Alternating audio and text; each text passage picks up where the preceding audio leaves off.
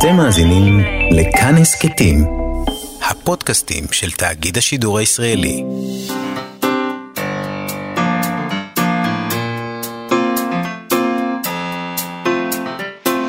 מה שכרוך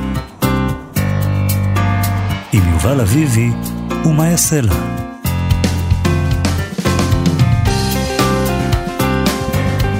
שלום, צהריים טובים, שבוע טוב, אנחנו מה שכרוך בכאן תרבות, מאיה סלע ויובל אביבי, מגזין הספרות היומי שלכם ב-104.9 ו-105.3 FM. אפשר להאזין לנו גם ביישומון של כאן או באתר של כאן וביישומוני ההסכתים החביבים עליכם. איתנו באולפן מפיקת התוכנית תמר בנימי, בנימין. ועל הביצוע הטכני רועי קנטן, שלום לך יובל אביבי. שלום, מאיה סלע. ביום חמישי, כזכור לך בוודאי, אה, שידרנו משבוע הספר בשרונה. זו הייתה חוויה כיפית. משתה של שירה עשינו שם. כן, היה מאוד נחמד. וואי, אני מאוד נהניתי. משפט כל כך מסובך בשבילי. משתה של שירה עשינו שם. מי כתב את זה? משתה של שירה עשינו שם בשרונה. שרונה. תגיד את זה. לא, אומרים שרונה, אני בדקתי את זה. אה, לא אומרים שרונה? לא. אנחנו אומרים שרונה. גרמנים Uh-huh. כשהמציאו את השם הזה, כשהם היו פה, היה כן. כמושבה גרמנית, אז הם קראו לזה זרונה. זה הפך לשרונה. כן. והכוונה היא שזה שרון, זה כן. משרון, ולכן כן. אנחנו יכולים לקרוא לזה שרונה, 아. אה. אבל אצל התל אביבים זה הפך להיות סורונה. וככה הם מחבבים לא, את זה. והם אני... ממילא לא כזה כל כך מחבבים את המתחם. אני פגשתי זה הדהים אותי, כן, תל אביבים, כן, ב, ב, בשבוע הספר, כן, ששבוע הספר פעם ראשונה לא היה בכיכר, הוא לא עדיין בכיכר רבין, אלא כן. שם, בשרונה, mm-hmm. וזאת הייתה הפעם הראשונה שלהם במתחם. הם מעולם לא היו שם. תל אביבים לא אוהבים את המקום זה הזה. מתחם, וזה דאווין מתחם... תל אביבי כזה להגיד שהם לא הולכים לשם. זה מתחם מאוד לא תל אביבי, זה נכון, אה, אבל אה, זו לא פעם ראשונה שלי שם. אני פשוט קראתי לזה שרונה ואז תיקנו אותי. אמרו לי, לא אומרים שרונה, אומרים שרונה. בטח זה תל אביבי תיקן אותך. אני חושב שזה היה מישהו מהעירייה שתיקן אותי, האמת. הבנתי, אז זה חמור. אני מאוד מבולבל עכשיו. אני מאוד מבולבל עכשיו. תבדוק, תתעמק. אני אגיד פעם ככה, פעם ככה. אני פשוט עשיתי גוגל כדי לבדוק איך באמת אומרים. וככה יצא, שרונה.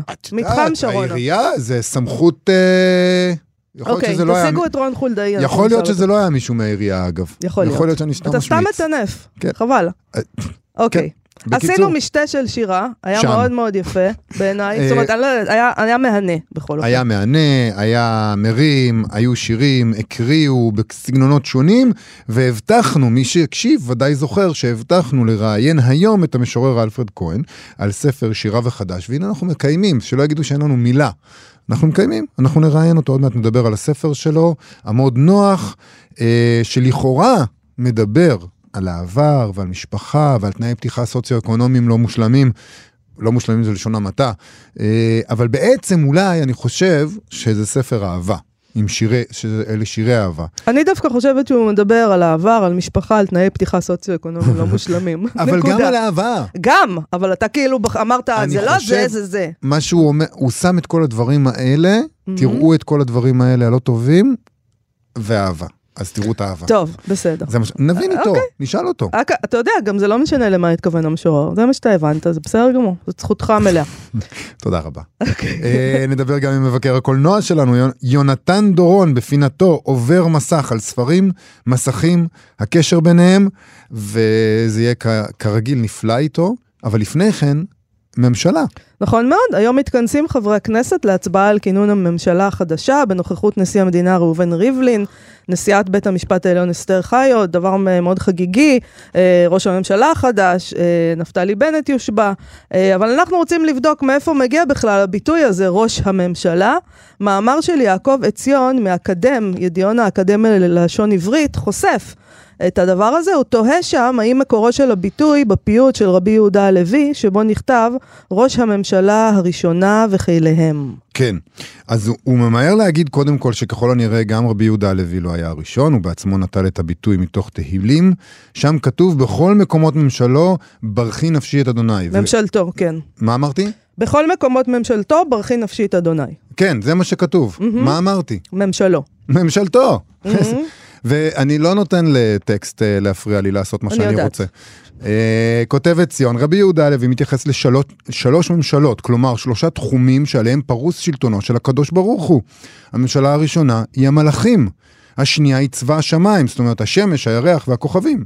הממשלה השלישית זה אנחנו, אה, דרגה נמוכה, אה, הארץ ומי שחי עליה. כלומר, ראש הממשלה הראשונה מתייחס לעולם המלאכים, ולמעשה מה שאני הבנתי, הצירוף כאן בכלל, ראש הממשלה לא קיים. הכוונה כאן במילה ראש היא לא לזה שעומד בראש, אלא למי ראשון. הביטוי נועד להגיד, קודם כל, בראש עומדת הממשלה הראשונה. זאת אומרת, הצירוף כאן, הצירוף אה, הוא, הוא ממשלה ראשונה ולא ראש הממשלה. Mm-hmm. אה, כלומר, הם, הם, בראש עומדת הממשלה הראשונה, ולא לרמוז שאלוהים הוא ראש הממשלה, כלומר, המפקד העליון שלה, ככה אני הבנתי את מה שהוא אומר. אבל כמו במקרים רבים, אה, עוד פעם, לא משנה למה התכוון המשורר. אה, מהרגע שכתבת, הטקסט שייך לקוראים ולא לך, אפילו אם זה תהילים ורבי יהודה הלוי, עציון כותב שלא עזר כלום והצירוף ראש הממשלה הראשונה הפך לכינוי שגור לגורם רב מעלה, גם במכתבים שונים שבהם הכותבים ניסו להתחנף ולשבח את הנמען. וזהו, מכאן התגלגל הנוהג הזה להתייחס לראש הממשלה כצירוף של סמיכות.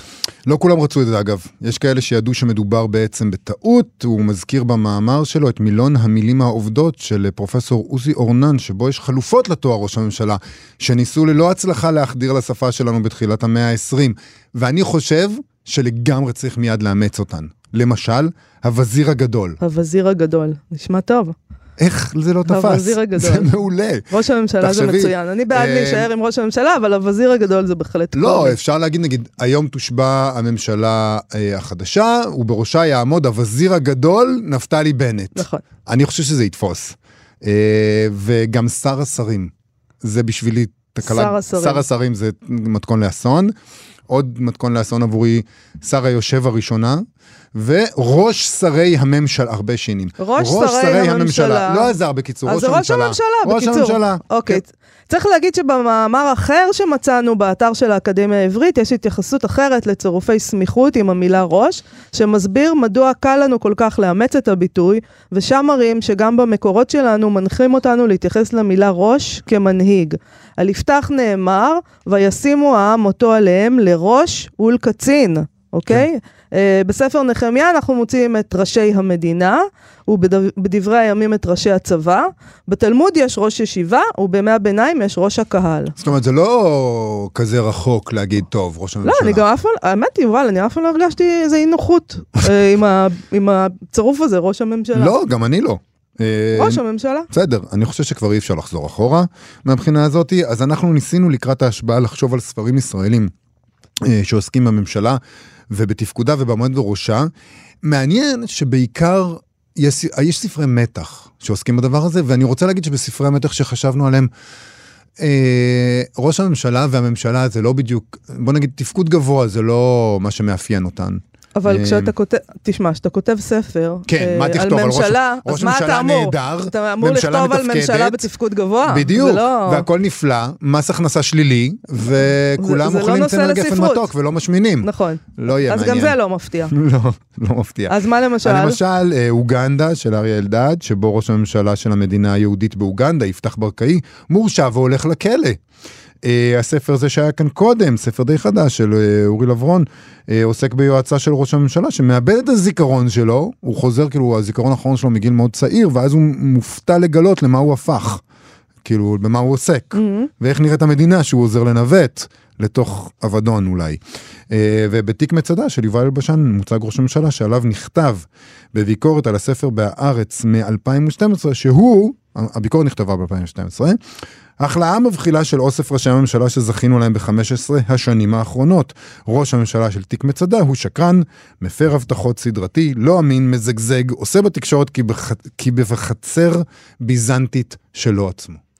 יפה. אז אם שכחנו משהו, אה, ספרים בטח הממשלות. יש עוד אה, ספרים שמתארים ממשלות וראשי הממשלה. אתם מוזמנים לכתוב לנו בעמוד הפייסבוק שלנו אה, מה שכרוך.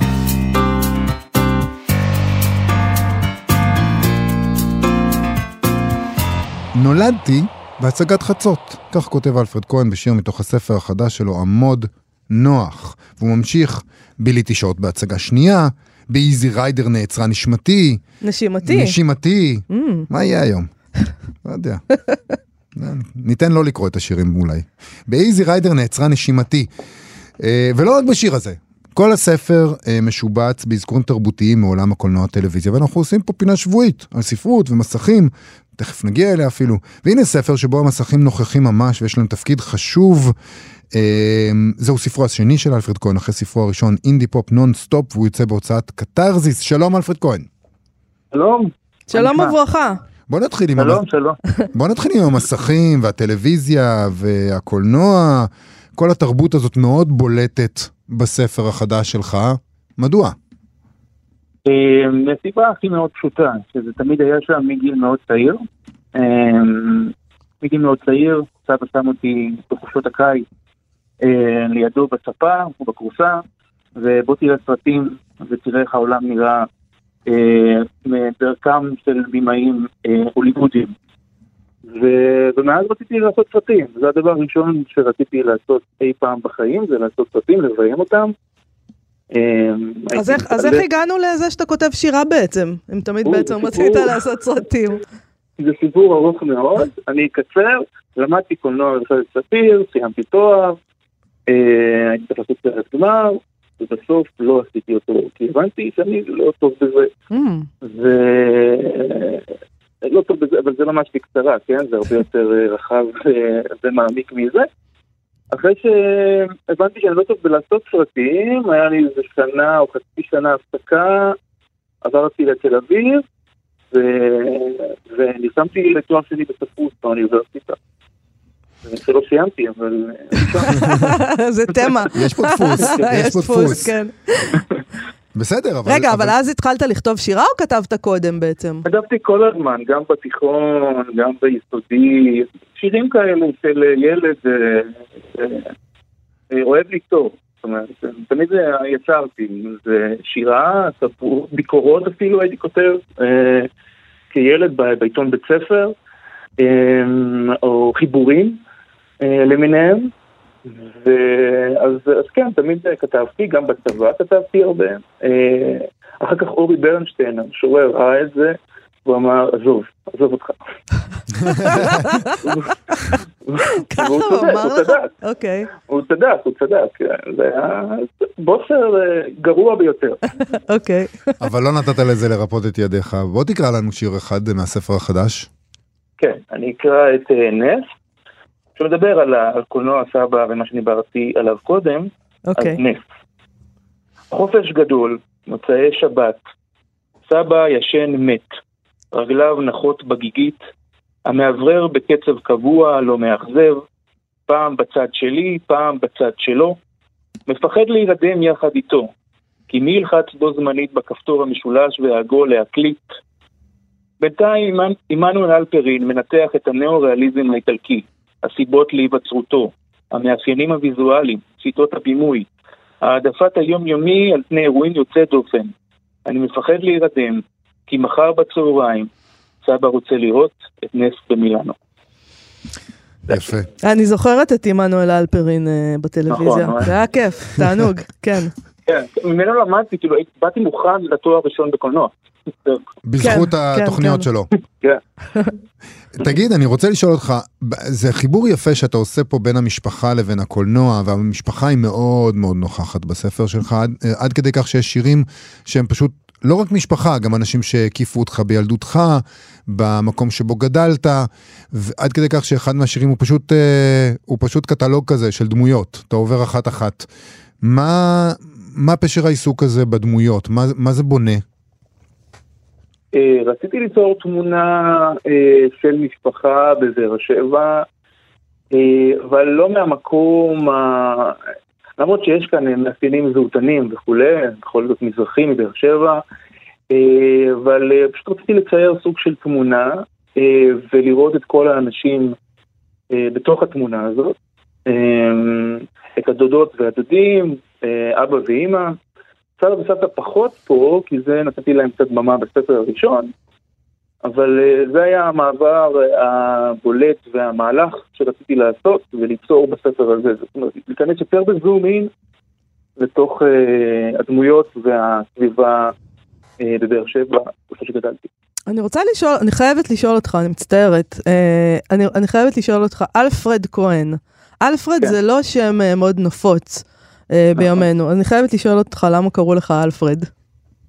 אה, יש את הסיפור שהייתי מספר בבית ספר, אה, בגלל שסבא שלי היה אוהב סרטים של אלפרד היצ'קוק. אוקיי, ישר חשבתי על היצ'קוק, אבל לא, זה לא אבל- נכון. אבל האם זה אמיתי? לא, זה לא אמיתי, הוא כן אוהב, אבל לא בגלל זה קראו לי אלפרד. אה, זה, זה, זה, שם שרץ במשפחה, סבא שלי הוא כן פרנקופיל, וזה שם אירופאי כזה, מהמם. אז לדוד שלו קראו אלפרד, כהן הראשון, אחר כך אה, אה, לבן של סבא שלי, הדוד שלי, אה, שנפל במלחמת אה, התשה, גם קראו אלפרד, ועל שמו אני נקרא, אז אני Mm. אלפרד כהן השלישי. הבנתי, וזה היה קשה להיות, להסתובב בבאר שבע עם השם הזה? לא, ממש לא. זה הפתיע אותי כילד. אמרתי, וואו, בטח כולם יצחקו עליי. אה, לא מספיק אני גדול, שמן ו- או שמנמן, ויש לי שם מוזר, אבל זה עבד יופי, לא יודע. אולי זה, אולי זה מסתדר, למה...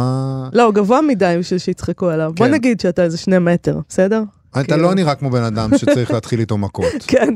לא, לא, זה- זה- זה- זה מה שהרתיע ילדים. אבל זהו, אני רוצה רגע לדבר על זה, זה לא מנותק, אנחנו לא סתם אה, מתחילים איתך שיחה כזאת, כי הספר הוא מ- מ- מדבר על ילדות ותנאי פתיחה לא כל כך טובים, זאת אומרת, תנאים סוציו-אקונומיים נמוכים, שכונה לא כל כך טובה, שכנים לא כל כך טובים, אה, אלימות. מישל בן לולו. מישל בן לולו, דמות חוזרת של עבריין. אה, הייתה דמות כזאת, דרך אגב, מישל בן כן, זו דמות אמיתית עם שם אחר. אה, הוא כבר לא, לא חי, אה, מסיבותיו הידועות של סמים, אבל הוא היה עבריין, סוג של עבריין צעצוע כזה, כמו שקובי עוז שר. והוא, והוא היה נוכח מאוד, הייתי, הוא היה גר דירה ליד סבתא שלי, ליד הדירה של סבתא שלי, ובשנים הראשונות הייתי די אצל סבתא שלי. אה, והוא היה שם על סמיו, איומיו ומכותיו את האחרים. והוא, והוא, והוא מאוד השפיע במובן הזה שפתאום ראיתי מישהו אמיתי, שהוא לא בטלוויזיה, יש קולנוע, אה, שעושה את הדברים האלה. זאת אומרת, לוקח אה, מזרק ומזרק לעצמו את הסם, או אפילו מטפס על גגות או על, לחלונות בתים ומנסה לפרוץ. ואחר כך הבנתי שהוא מנסה לקחת כל מיני זהב, שרשראות זהב כדי למכור אותו ולקנות סם, הוא מנהל משחקי פוקר לאורך כל, הלילה, הייתי שומע אה, קולות, ו... וכן, הוא היה נוכח שם.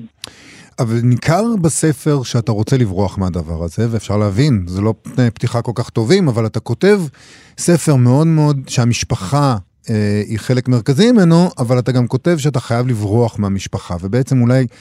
כשאתה מתאר את זה ככה, ברור למה אתה צריך לברוח, לא רק מהמשפחה, אלא מכל הדבר הזה ש... שהיה לך בתור ילד, והמשפחה זה חלק ממנו. זאת אומרת, אתה ממש צריך איכשהו לעשות מהלך שינתק אותך מהדברים האלה. נכון, כי כילד לא יכולתי לברוח, פיזית, זאת אומרת, אה, אני ילד קטן, אני יודע כבר כילד קטן, אני מדבר איתכם על חמש-שש, אני יודע שאני לא שייך לבאר שבע, שכונה ד' אה, ולסביבה הזאת, אני יודע את זה ממש ככה. איך אתה, לא ב- יכול- באיזה מובן אבל אתה מרגיש לא שייך? כאילו, מה זאת אומרת אתה לא שייך? אתה משם? ש- כן, אתה שונה כבר שלי- היית? כן, כל, ה- כל מה שההורים שלי אוהבים ולא אוהבים, כל מה שההורים שלי אוהבים לאכול ולא לאכול, אה, כל הדברים ה- ה- המר- שמרכיבים אותך כאישות, אישי- אישות, אישיות. ו- ו- והרגשתי לא שייך, הרגשתי שאני רוצה לעשות משהו אחר, אבל לא יכולתי. זאת אומרת, אז, אז נשארתי ילד אה, אה, מנ- לא, לא מפוחד, מנומס, אה, שמכבד מאוד את הסובבים אותו, ויודע שמתישהו אני אברח או אצא משם, אה, כדי לממש את מה שאני חולם לעשות. אז אפרופו המימוש הזה, אני רוצה לדבר על העניין הזה של השירה. אה, שהיא, וגם אתה כותב על זה, אה, עם עיסוק די מאכזב, הייתי אומרת. אה, כאילו אף אחד לא קורא שירה, ובטח אין, אין בה את הגאולה שקיווית קיווית לה. כן, יש לך שיר שעל- שאתה מוצא את הספר שלך ברחוב, זרוק. נכון. נכון. כן, אה, נכון, בשירה אין גאולה, אה, אבל אני חושב ששירה או כל אומנות אחרת, יצירה היא הדרך לגאולה. בשירה עצמה אין גאולה, נכון, אה, התאכזבתי אחרי הספר הראשון על אה, חוסר הסתבלות ואף אחד לא קרא אותי ואף אחד לא אה, ראיין אותי או אף אחד אה, לא, אה, כתב עליי ביקורת כזו או אחרת, וזה היה מאכזב מאוד, אבל בספר הראשון, ב-2012 יצא ב-2014, אבל ב-2012 כבר התחלתי אה, לכתוב מחדש.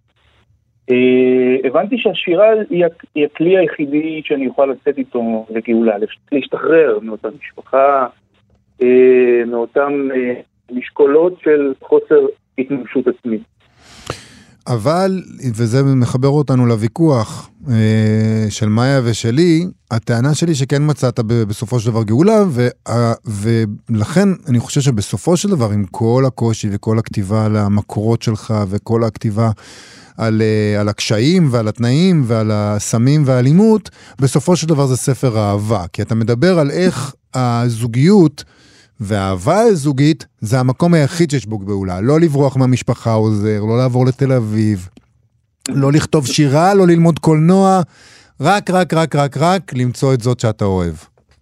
נכון, זה, זה, זה, זה הדבר הנכון, והגאולה אני חושב, אני אהיה קצת קיצ'י וקלישאתי, אה, זוגיות סלש משפחה, זאת הגאולה הכי טובה שיש. ו... והכרתי את האהבה הכי גדולה שיש דרך שירה, נפגשתי בחנות ספרים, Mm, והחלפנו, באמת? נפגשתם. בחנות ספרים? בתולעת ספרים, בסניף במאזה שהיה. אוי, והוא נסגר. נכון, כן. אה, זה בטח כאב. רגע, אז איך זה הלך? כאילו, אתם... אה, אפשר לדבר על זה? כאילו... התחלנו להתכתב, ואמרנו בוא נחליף ספרים. כאילו, אנחנו אוהבים גם חתולים, אוקיי. אז, אה, אז אה, קבענו להיפגש בתולעת ספרים ומה זה, והחלפנו ספר, אני הקדשתי לה בתוך הספר הקדשה, והיא הקדישה לי בתוך הספר הקדשה. וככה זה התגלגל, משם. יפה, יפה. בוא נסיים עם עוד אה, שיר אחד מתוך הספר החדש. כן, אני אקרא את מומחה לחובות. בבקשה. מומחה לחובות. יש לך שלוש אפשרויות. ללכת לפשיטת רגל, לקחת הלוואה גדולה, לכסות הלוואות אחרות או הוצאה לפועל. יאחדו לך תיקים. יגיעו להסדר, לא תוכל לטוס. אתה תצא מזה. יוציא מזה לאט לאט. אתה לא ישן בלילות, נלחם בתחנות רוח. כמו שאומרים, אתה משמין. לא אוכל מסודר, דופק ארוחות בלילות. כמו שאני רואה את זה, אולי משכנתה, אבא, אמא שיכולים לעזור, ירושה קרובה חס וחלילה. ראיתי עשרות, אולי מאות, נופלים כמוך. יש מה לעשות. לך הביתה, תקלף לאשתך תפוח. צריך להגיד שגם זה מאוד נוכח. יש אה, כמה וכמה שירים בספר שמדברים על המסוגלות הכלכלית. כלכלית. כן. היא המסוגלות הכלכלית של הדור שלנו, אני חושב. במובן הזה, אה, זה מאוד נוכח שם. אה, אלפרד כהן, עמוד נוח, הוצאת קתרזיס, ספר שירים חדש. תודה רבה לך על השיחה תודה, הזאת. תודה רבה, יובל מאיה. תודה רבה, להתראות. ביי ביי. עכשיו עובר מסך. אנחנו מה שכרוך בכאן תרבות, חזרנו ואנחנו נשארים עם המסכים והספרות בעובר מסך, פינתו של מבקר הקולנוע שלנו ושל אתר EDB, יונתן דורון. שלום יונתן. שלום. אנחנו מדברים היום על הפוליצר, אחד הפרסים החשובים ביותר בעולם הספרות, שיצר, אה, ניתן לכמה ספרים שהפכו גם לסרטים. אפילו הרבה מאוד, מתוך 64 זוכים, אה, לא נתנו כל שנה, היו שנים שהם החליטו שאף ספר לא ראוי. אה, 23 ספרים כבר עובדו למשהו, לסרט, סדרה, מיני סדרה, זה מספר אה, לא מבוטל. נכון. ש- מתוך- מתוך 64 זוכים, 23 23 עובדו. זה המון, וואו, זה המון. כן, כן. והאחרונים עוד אה, ייכנסו לרשימה, לקח בטח 3-4 שנים בממוצע עד שסרט אה, יוצא לפועל. כי זה כאילו הם אומרים לעצמם, אוקיי, זה, זה קיבל איזה גושפנקה, אז זה הופך, הפוליצר גם הופך אה, ספר לרב מכר בדרך כלל. כן. אז אה, אנחנו נמהר לקנות את הזכויות. עם פרס ספיר זה עדיין לא קרה. לא, אבל תעשיית הקולנוע והטלוויזיה פה, כנראה. בסדר? אנחנו נדבר על זה בהזדמנות. או, יפה. אה, בדיוק. פינה הבאה. אה, אז אז בוא נדבר נדבר. על שלושה ספרים שהצליחו מאוד. בבקשה.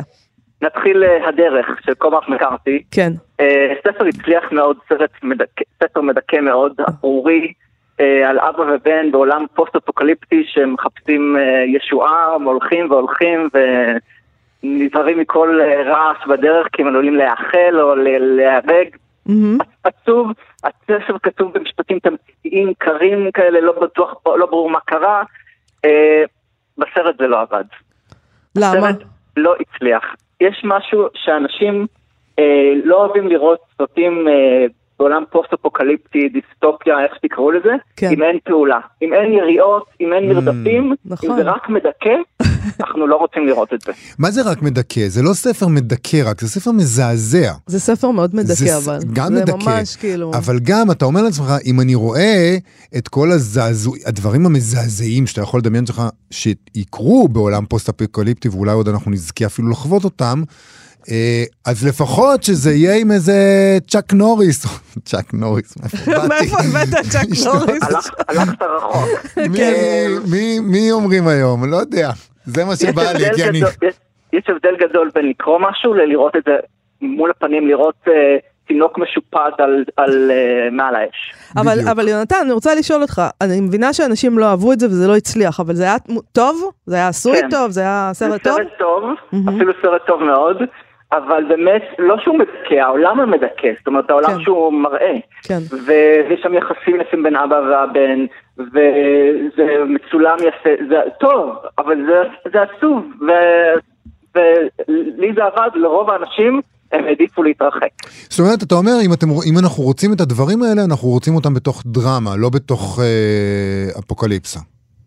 כן, ואם אפשר שברוס וויליס, או מישהו יותר לא צעיר, צ'אק נוריס. יבוא ויירה. גם ברוס וויליס כבר די זקן, היית יכול למצוא מישהו יותר חדש. לא, רציתי להגיד ג'ייסון סטיית'ם, אבל לא יודעת אם אתם מכירים אותו. מי? אני מכיר אותו, מי? בטח, יש לו רגע, המון ריבועים עוד בבטן. פעם, עוד פעם, מה השם? ג'ייסון סטיית'ם. לא, אני לא מכירה. הוא אוקיי. הוא בריטי, אבל הוא משחק עכשיו בהמשכים של... אה, אה, מהיר עצב- ועצבני, הוא היה. לרגע בכמה מהם, נכון. הבנתי. טוב, אז אני באמת מהיר לא מכירה. ועצבני לא מבוסס על ספר, כמה שזה מפתיע. אה, לא, טוב, ברוס וויליס. עבד בשבילי, יונתן, זה בסדר. בוא נעבור לספר הבא. לספר שגם הצליח, למרות שהנושא הוא לא משהו שאתה אומר, הקומדיה הבאה שאנחנו רוצים לצפות בה, זה הטבע הארגמן, אוקיי. אה, של אליס ווקר, שמ-82 הספר, ואחרי שלוש שנים היה סרט של ספילברג. אה, סרט זה סרט שמתרחשים בתחילת המאה ה-20, היא נערה צעירה, שחורה, שאבא שלה אונס אותה, היא יולדת, הם מחפשים אותה לגבר שהיא לא רוצה, הוא מרביץ לה, אושר גדול אין שם. כן. אה, אבל הספר הצליח מאוד מאוד, והסרט גם הצליח, למרות שבדרך כלל סרטים על עבדים ושחורים אה, מדוכאים ועבדים לא הולך. הפעם הצליחו למצוא משהו שהצליח מאוד. אולי זה בגלל. שאופרה הייתה שם, אופרה אז ווינפרי. אופרה לא הייתה מפורסמת אז, לא כן, רק שהיא לא הייתה נכון. מפורסמת אז, היא לא הייתה בשם שאפילו לא על הפוסטר, אה. כמה שהיא הייתה לא ידועה, אוקיי. ובכל זאת הייתה עומדת לאוסקר. כן. אה, זה- הסרט הראשון של וופי גולדברג גם, שגם היא הייתה עומדת לאוסקר, והסרט זכה להצלחה גדולה, הוא הרוויח כמעט 100 מיליון בארצות הברית, שזה הסמן לשובר קופות, זאת אומרת, כן. הוא הצליח מאוד, הוא, הצליח אפילו לגרוף 11 מועמדויות לאוסקר, שזה המון, כולל הסרט הטוב ביותר, והוא אחד משני הסרטים שהפסידו. המפסידים הכי גדולים באוסקר אי פעם עם אפס זכיות מאחת אה. מה? ברור, הוליווד עוד- עוד לא נתנה פרסים לשחורים וסטיבן אז. ספירג לא היה מועמד לבימוי גם, זה בכלל מדהים. היה כאילו, וגם היה, אני? זוכרת שהיה גם שיר כזה מאוד אה, להיט מתוך הסרט הזה, וזה באמת היה סרט מאוד מאוד מוצלח, גם פה הוא היה להיט. גם הוא ראיתי אותו. הצליח כל כך שהפיקו גם אה, גרסת מחזמר בברודוויי, פעמיים העלו את ההפקה הזאת כבר, שבשתי הפקות זכו בטוני, ואופרה ווינפרי שהייתה אלמונית ב-85, היא בין המפיקות של וזה- ה- אה, אז היא הייתה. ממש אלמונית אז אתה אומר, והיא בעצם, זה יכול היה להיות הסרט הראשון שלה, שהסרט עשה אותה? עוד לא היה את האופרה show בעצם? האופרה show היה רק בשיקגו, ובזמן הצילומים היא קיבלה חוזה לה- להפוך את התוכנית לארצית. אה, היא- אוקיי. היא ממש, זו הייתה רגע לפני הפריצה הגדולה שלה. רגע, תגיד, המחזות, המחזות אה, גם הצליחו? המחזות זמר, כן, הם הצליחו. אה, שוב, שניהם, שניהם זכו בטוני לשחקנית ראשית, והם רק- כל כך הצליחו עכשיו עושים, שימו לב, זה משפט ארוך, אבל הוא, אתם תבינו. כן. עובדים על סרט מוזיקלי, על פי המחזמר, שמבוסס על הסרט שעובד מהספר. ככה זה עובד בהוליווד, נשמע. מרגש. אני דרך אגב לא הייתי ממהר להכריז מסובך, שאנחנו בטוח נבין, כאילו, לפחות אני. אני הבנתי, אבל כן. יובל עוד יחשוב על זה אי אפשר, קצת. אני צריך לסדר לעצמי בראש. יש לנו זמן לא... יש כמה כאלה, עוד אה, אז בוא, אז אחד. עוד- עוד אחד, עוד סרט עוד אחד. אחד ואחרון זה יונה בודדה, שזה ספר שלא קראתי, אבל ראיתי את המיני סדרה שנעשתה על פיו, והיא אחת הכי טובות שנעשו אי פעם בקלות. אה, זה מערבון אפוס של לארי מקמרסרי. אה, שני אה, בוקרים ותיקים יוצאים למסע כנראה האחרון שלהם, מעבירים עדר ענקי מטקסס למונטנה, ויש שם, זה מרגש ונוגע ללב, וחברות ביניהם, זה משהו באמת יפה מאוד, אה, לא רק מערבון יורים ואינדיאנים, זה לא זה. זה פשוט במקרה מתרחש במערב הפרוע של הימים ההם, והמיני סדרה הצליחה מאוד כל כך שאחרי המיני סדרה, יותר מעשר שנים אחרי הסרט הראשון, הוא הוציא עוד שלושה ספרים על שתי הדמויות, על גס ווודרור, שהולידו שתי סדרות טלוויזיה ועוד ארבע מיני סדרות. באמת הפך למשהו גדול אה, ממה שהוא התכוון, אני מאמין. מותג. אני, אני בהלם קודם כל כי לא שמעתי על יונה בודדה עד עכשיו, אתה אומר שזו אחת הסדרות הכי מה, טובות. זו סדרה מעולה, אני לא, אה. לא קראתי גם את הספר. ראית אבל את זה? את, את יונה בודדה. אני מצטערת, אני הולכת לראות, למרות שאני עדיין במיינד הנטר, אה, יונתן, שעליו המלצת לי בפעם שעברה, אבל כשאני אגמור עם זה, תגיד, אני אבל... בעונה השנייה כבר. אז זה חייב- שש שעות, באמת יונה בודדה כדאי מאוד לראות. זה אבל. תגיד, ההמשכים האלה, זה מתכון לאסון, נכון? גם אם אתה כותב ספר, כיוון שהסדרה שה, אה, שמבוססת על הספר הראשון שלך, אה, הצליח, כאילו, זאת אומרת, כשאתה כותב ספרים בגלל שהסדרה הצליחה, אז זה מתכון לאסון, ואז עושים סביב. הספרים האלה עוד סדרות, אתה אומר לעצמך, כמה טוב זה יכול להיות, זה פשוט לא יכול להיות טוב. אני אגיד לך כמה טוב זה יכול להיות, לא ניסיתי אפילו. אמרתי, אני אוהב אותם כמו שהם, לא רוצה לראות אותם צעירים יותר, לא רוצה לראות אותם זקנים יותר, אהבתי אותם ככה, והספיק לי. יפה, אתה אומר, אתה בן לא, אדם זה טוב, חזק, אני לא הייתי לגמרי. מתאפקת. לא, אני גם לא, אני לא ידעתי שיש את כל ההמשכים, אבל, אה, אבל ב- אסור לגעת בדבר הזה. זה דבר שצריך להיות... אה, הסופר, הוא הוא אהב המשכים. הוא כתב גם את אה, את הסרט שהפך, אה, את הספר שהפך לסרט הצגת הקולנוע האחרונה, זה הסרט הראשון של סיבל שפרד, שגם היה עמד לאוסקר רבים ולסרט הטוב ביותר, והוא כתב לזה המשך, והוא כתב גם את הספר שעל פיו נאסף תנאים של חיבה, שהוא סרט מעולה, עם אה, נכון. דברה ווינגר ושירלי מקליין וג'ק ניקולסון, נכון. וגם לזה הוא עשה סרט המשך, ספר אה. המשך אחרי זה. אוקיי. הוא הוא בקטע של המשכים, הוא אומר. למה לא. הוא, אוהב להרוס את המותג. יונתן דורון, עובר מסך, תודה רבה לך על הפינה אלף הזאת. תודות. אנחנו ניפגש שוב בשבוע הבא. להתראות. תודה רבה. להתראות.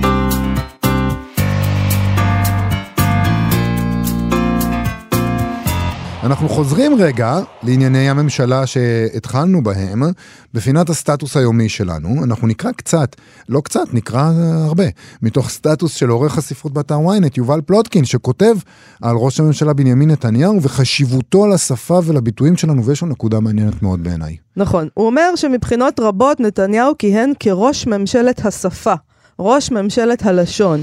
משטר הוא דבר טקסי, חוק הוא דבר שקוף וריק. אי אפשר לראות אותו או לתפוס. מדינה נעשית באמצעות גדרות ונשק, אבל עוד קודם לכן באמצעות מילים. ומי שמושל במדינה, מושל בה באמצעות הדיבור. זה לא ייחודי לנתניהו כמובן, אלא נכון לכל מנהיג באשר הוא, בכל מקום. מה שייחודי לנתניהו, בכל זאת, זו העובדה ששלט בישראל למשך זמן בלתי נתפס, 15, 15 שנים במצטבר, כחמישית משנות המדינה וכחמישית מחייו. והעובדה שהוא ניחן בכישרון דיבורי יוצא דופן. לכן השפעתו הייתה עמוקה כל כך. נתניהו נוהג להציג את עצמו תמיד כאיש סייפה, לוחם בסיירת מטכ"ל וספרא, אינטלקטואל. אבל מזה שנים, העט אצלו הוא-הוא החרב. הוא מבין היטב שעיצוב השפה אינו נעשה רק בשכנוע, תעמולה וכולי, אלה רעיונות מיושנים, ונתניהו הוא איש הקדמה, אלא בעצם הגדרת גבולות השיח. זה מאוד מעניין.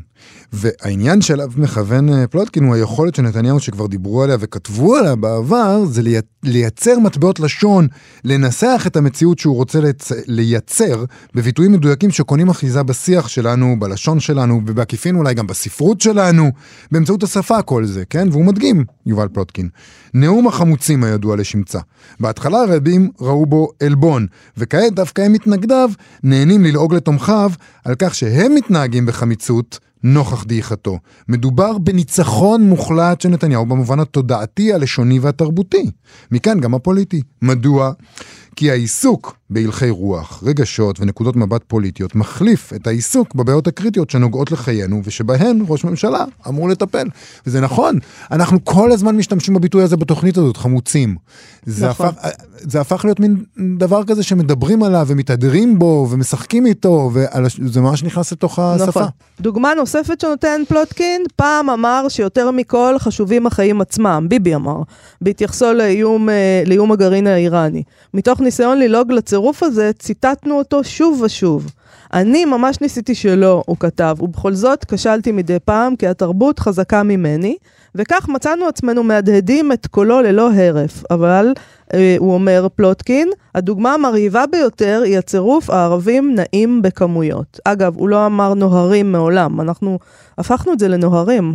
זה יפה אה, יותר, זה פואטי. כן, חבל שהוא הוא בטח אמר לעצמו, איי, למה לא אמרתי נוהרים? אה, באבחת משפט הצליח לקומם את האופוזיציה, שהתרעמה על האמירה הגזענית, ובכך שירתה בדיוק את מטרתו.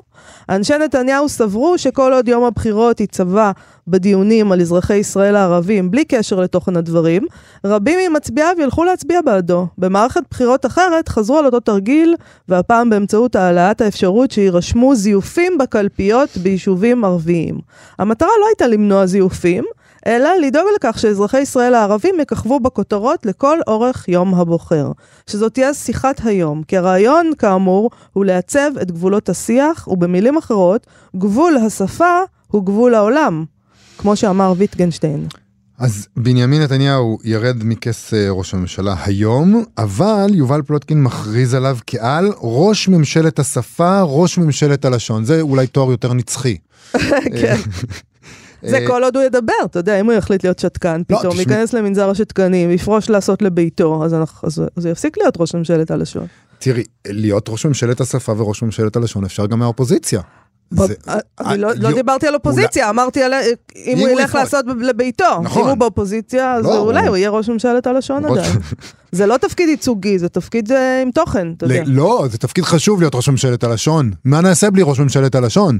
אמ, יובל פלוטין כותב על מיומנותו, מיומנותו המשופשפת להשחיל מסר בתוך מסר. לומר דברים ברמיזה או בקריצה בין השורות. אני מגנה את ההסתה גם נגדנו, זה ציטוט. אה, החיסונים שהבאתי. וכן הלאה. הוא אומר שנתניהו הוא האיש שיודע לדבר פעמיים בכל משפט, זה ממש מדהים. זה ממש כאילו הוא כותב ספר, הוא נותן, לה- הקורא צריך להבין המון דברים כשהוא שומע אותו מדבר. הוא, הוא אומר, הוא יודע לדבר פעמיים בכל משפט ולהניע את פיו בכמה כיוונים שונים במקביל, הוא אינו קוסם אלא פתאום. מדהים. זה יפה. אני חושבת ש... אה, אתה יודע, יש משהו... אורוול היה מאוד מבסוט מהרעיון של להכתיר את נתניהו לראש ממשלת השפה והלשון. לגמרי. אוקיי. אמ, מה עוד הוא אומר? הוא אומר לנו שאפילו הממשלה החדשה או העובדה שהצליחו להקים אותה קשורה אה, לדעתו בענייני שפה ובעצם במגבלות שלה, זה לדעתו של פלוטקין. בסופו של דבר הוא כותב, נתניהו דחף את המילים אל קצה גבול היכולת ונשברו תחת הלחץ. זה נורא יפה שהוא כותב. נכון. מתברר שגם את הדיבור אפשר לכופף רק עד גבול מסוים. זה, את יודעת, זה אני חושב באמת, זה יכול להיות גם עצה לסופרים וסופרות. אתם צריכים להיזהר עם הלשון, היא עלולה להישבר לכם. אה, פלוטקין מסיים, ראשי הממשלות הבאים השתמשו גם הם בשפה. ככה זה, ואין מדובר בדבר רע במהותו. באמצעות השפה נוצו שלשלאות עשויות פלדה. אבל ספק אם הם יהיו מיומנים בכך כמוהו. פוליטיקאי אחר, יאיר לפיד, שעשוי להיות ראש ממשלה ביום מן הימים, מבין גם הוא את כוחה של השפה. אבל יש לו חיסרון. כולם מתמקדים בתכונה הזו שלו. הוא הרי ערך ב"במחנה", כתב טורים, חיבר את גרה בשנקין וכן הלאה. הרעיון הוא למשול דרך השפה בלי לחשוף שזה העיקר. הרעיון הוא לצעוק סיפה, גם אם יש לך חלילה תדמית של משורר, מישהו צפוי להגיד מיד, אלו רק מילים, תן לנו מעשים. הקסם יתפוגג ותוך רגע ישובו אה, לעסוק בגבולות ובמיסים. כלומר, כאילו, מיאיר לפיד אנחנו מצפים, וגם יש משהו בהופעה של יאיר לפיד שהוא כזה מדבר יפה. אתה רואה שהוא עובד על זה, כאילו, זה, זה לא, יש שם משהו לא טבעי, כאילו, אתה לא, זה לא נדבק לך משם. לא, אבל זה, אני חושב שזה נורא יפה, כי הוא אומר, ראש ממשלת הלשון והשפה לא יכול להיות סופר או משורר. הוא לא יכול. אי אפשר הוא ש... הוא לא אומר שהוא לא... הוא. הוא חייב... לא, כמו- הוא לא אומר שהוא לא יכול, הוא אומר שתופסים את יאיר לפיד כסופר ומשורר, ואת המילים שלו אז אין לזה כמילים. השפעה, אין לזה נכון. הש... את אותה השפעה. כמו למשל, נגיד, אולי אומרים, מישהי שיש לה דוקטורט בחינוך, מה, עכשיו נשים אותה שרת חינוך? לא, זה צפוי מדי, היא לא... זה, זה ברור מדי. אני לא יודעת, יובל, אני לא יודעת לגבי כל הדברים האלה. אה, אנחנו נראה, בינתיים אנחנו נתחיל עם נפתלי בנט כראש ממשלה, ונראה מה הוא יודע לעשות עם המילים. הוא לא משורר ולא סופר. נכון. אבל, אה, אבל אה, אני, חושב ש, אני חושב שזה טוב שלא סופרים יהיו ראשי ממשלה, זה בטוח. שה, שלא סופר יכול להיות ראש ממשלת הלשון, אבל סופר כן לא יהיה ראש ממשלה. אני לא יודעת אה, אם הבנתי מילה ממה שאמרת עכשיו. מזל שזה הזמן שלנו לסיים, ואתה מוגבל ביכולת שלך פשוט לקשקש עכשיו. אז אה, תודה רבה לתמר בנימין, מפיקת התוכנית שלנו, ולרועי קנטן שעל הביצוע הטכני. בואו לבקר בעמוד הפייסבוק שלנו, בעמוד הפייסבוק של כאן תרבות. אנחנו נהיה פה שוב מחר, להתראות. להתראות. אתם מאזינים לכאן הסכתים, הפודקאסטים של תאגיד השידור הישראלי.